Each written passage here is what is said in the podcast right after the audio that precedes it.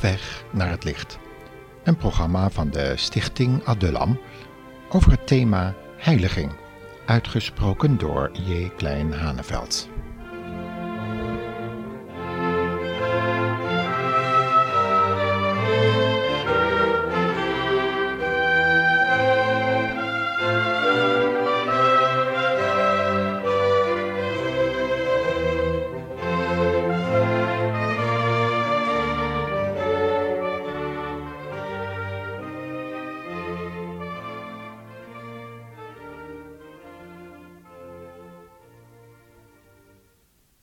Heiliging. Een onderwerp dat bij de bestudering van de eerste brief aan het Thessalonicense enkele malen aan de orde kwam, is de heiliging of de heiligmaking, zoals het in de Statenvertaling staat. We lezen eerst weer die gedeelte uit de eerste Thessalonicense brief die daarop betrekking hebben. We zoeken dus nu op 1 Thessalonicense 3 vers 13. 1 Thessalonicense 3 vers 13. Daar wenst de apostel Paulus de gelovigen toe dat hun harten versterkt mogen worden, zodat zij onberispelijk zijn in heiligheid voor onze God en Vader bij de komst van onze Heer Jezus met al zijn heiligen. In hoofdstuk 4 vers 3 lezen we, 4 vers 3, want dit wil God, uw heiliging, dat ge u onthoudt van dorerij, dat ieder uwer in heiliging en eerbaarheid zijn vat weten te verwerven, of bezitten, zoals de Statenvertaling het heeft.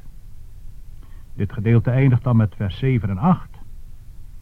Want God heeft ons niet geroepen tot onreinheid, maar in heiliging. Daarom wie dit verwerpt, verwerpt niet een mens, maar God, die u immers ook zijn heilige geest geeft. Ten slotte uit het vijfde hoofdstuk, de versen 23 en 27. En hij, de God des vredes, heilige u geheel en al, en geheel uw geest, ziel en lichaam, mogen bij de komst van onze Heer Jezus Christus blijken in allen delen onberispelijk bewaard te zijn. Die u roept is getrouw, hij zal het ook doen. En vers 27 luidt de Statenvertaling. Ik bezweer u lieden bij de Heere dat deze zendbrief al de heilige broeders gelezen worden.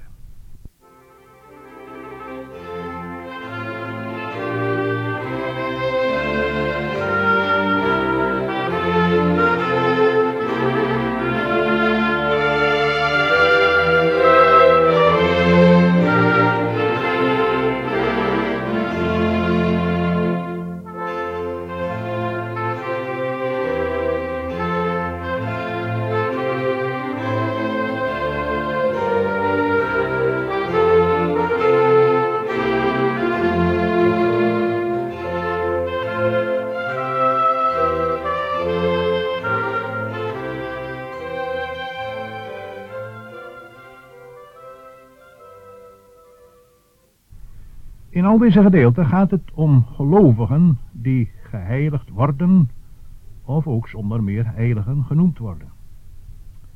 Bij het noemen van het woord heilig denken we natuurlijk in de eerste plaats aan God. Hij is de heilige. Op veel plaatsen wordt hij zo genoemd. De profeet Jezaja noemt hij bij voorkeur de heilige Israëls. De serafs roepen het driemaal heilig voor hem uit. Jezaja 6. In een bepaalde theologie van onze tijd beschouwt men God en mens als compagnons. En men verliest erbij uit het oog dat God de heilige, dat is, de gans andere is. In absolute zin is God alleen heilig. Heere, wie is als gij, heerlijk in heiligheid? Exodus 15 vers 11. Natuurlijk houdt dat ook in dat hij terrein van ogen is, dan dat het kwade zou kunnen zien. Habakkuk 1 vers 13. Vandaar dat de profeet Jezaja, wanneer hij geconfronteerd wordt met de heilige Israëls, uitroept, Wee mij, ik ga ten onder, want ik ben een man onrein van lippen.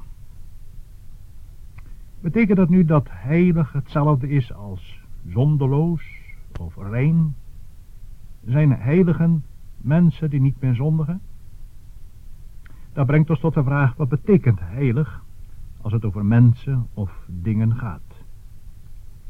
Heilig is wat afgezonderd is voor God. Dat is de negatieve kant.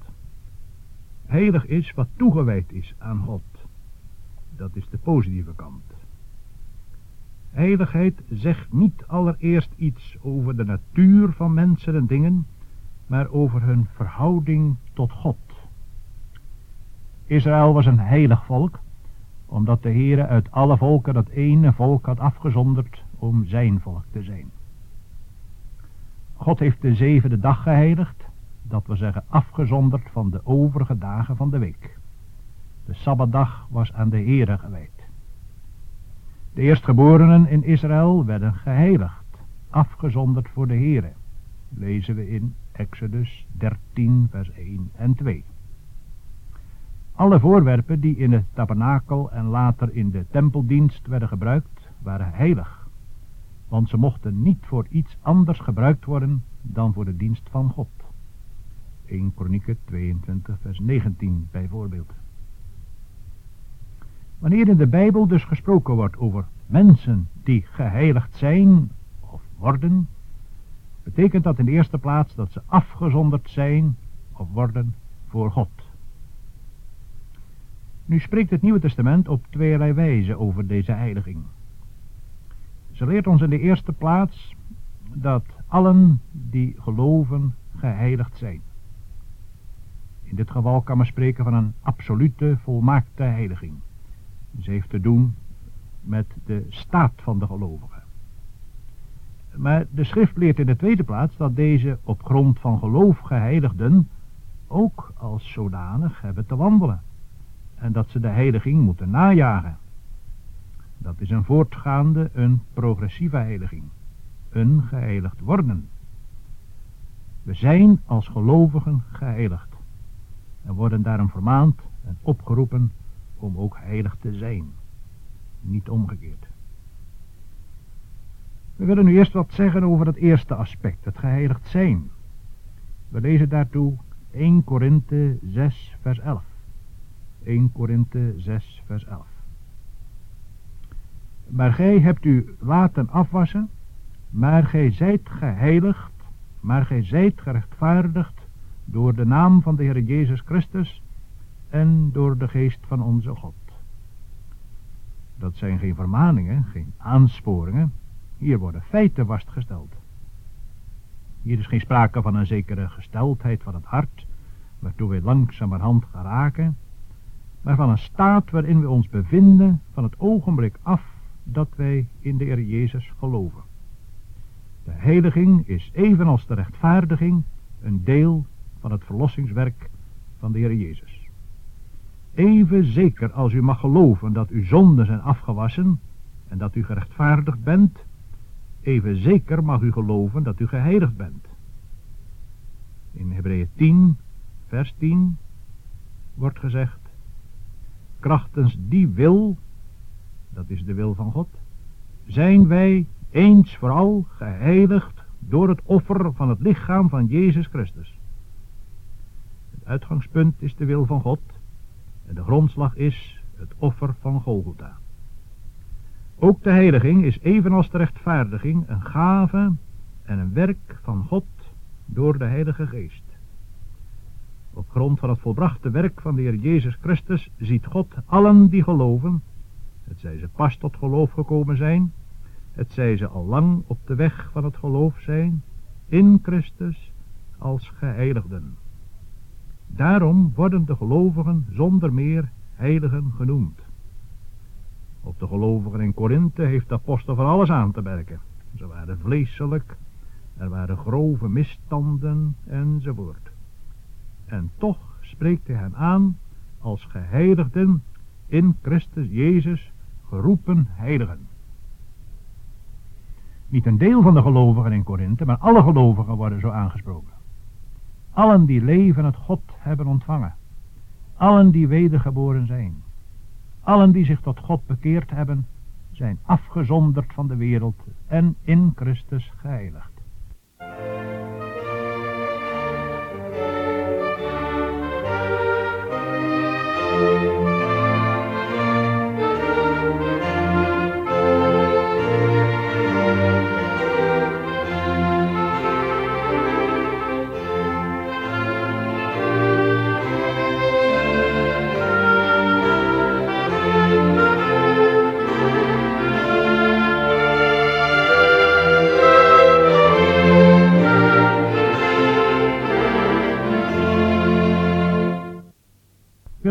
Zeggen over de praktische heiliging, over het geheiligd worden als een voortgaand proces. Het spreekwoord zegt adeldom verplicht. Als het dan op grond van de duidelijke uitspraken van Gods woord zo is dat wij als gelovigen heiligen zijn, dan behoort ons leven ook in overeenstemming daarmee te zijn. Onze praktische toestand moet in overeenstemming zijn met onze geestelijke staat. Juist omdat we heiligen zijn, worden we opgewekt te jagen naar de heiliging, zonder welke niemand de eer zien zal. Hebreeën 12 vers 14. In 2 Korinthe 7 vers 1 lezen we, Laten wij ons reinigen van alle bezoedeling des vleeses en des geestes, en zo onze heiligheid volmaken in de vreze Gods. En in 1 Petrus 1 vers 15 en 16 wordt ons gezegd, gelijk hij die u geroepen heeft heilig is, wordt zo ook gijzelf heilig in al uw wandel. Er staat immers geschreven, wees heilig, want ik ben heilig. Let wel, in al uw wandel. Dat gaat ons hele leven aan, met al zijn uitingen. Niets is daarvan uitgezonderd. Nu moeten wij niet menen dat wij onze oude natuur moeten gaan verbeteren. Dat kunnen wij niet. Dat leert niet alleen de ervaring, maar wat belangrijker is, dat leert de Heilige Schrift. Het vlees blijft vlees, ook als het zich als godsdienstig vlees openbaart. Paulus zegt, en hij zegt dat als een wedergeborene, ik weet dat in mij, dat wil zeggen in mijn vlees, geen goed woont. Een niet-wedergeborene zal dat nooit zeggen. Alleen iemand die door de geest van God aan zichzelf ontdekt is en zich gezien heeft in het licht van God. Dat zondige vlees houden we, zolang we hier op aarde zijn. Galaten 5 vers 17 zegt, het begeren van het vlees gaat in tegen de geest en dat van de geest tegen het vlees. Want deze staan tegenover elkander. Galaten 5 vers 17. Het is niet alleen onmogelijk dat wij zelf het vlees verbeteren, ook de Heilige Geest doet dat niet. God had met eerbied gesproken maar één oplossing voor dit probleem. Het kruis. Wat onze zonden betreft mogen we geloven in Christus die onze zonden in zijn lichaam gedragen heeft op het hout. Op het kruis hebben onze zonden rechtvaardige vergelding gewonnen. U en ik mogen roemen in de vergeving van onze zonden, omdat we geloven in de waarde van zijn bloed het bloed van Jezus, Gods Zoon, reinigt ons van alle zonde.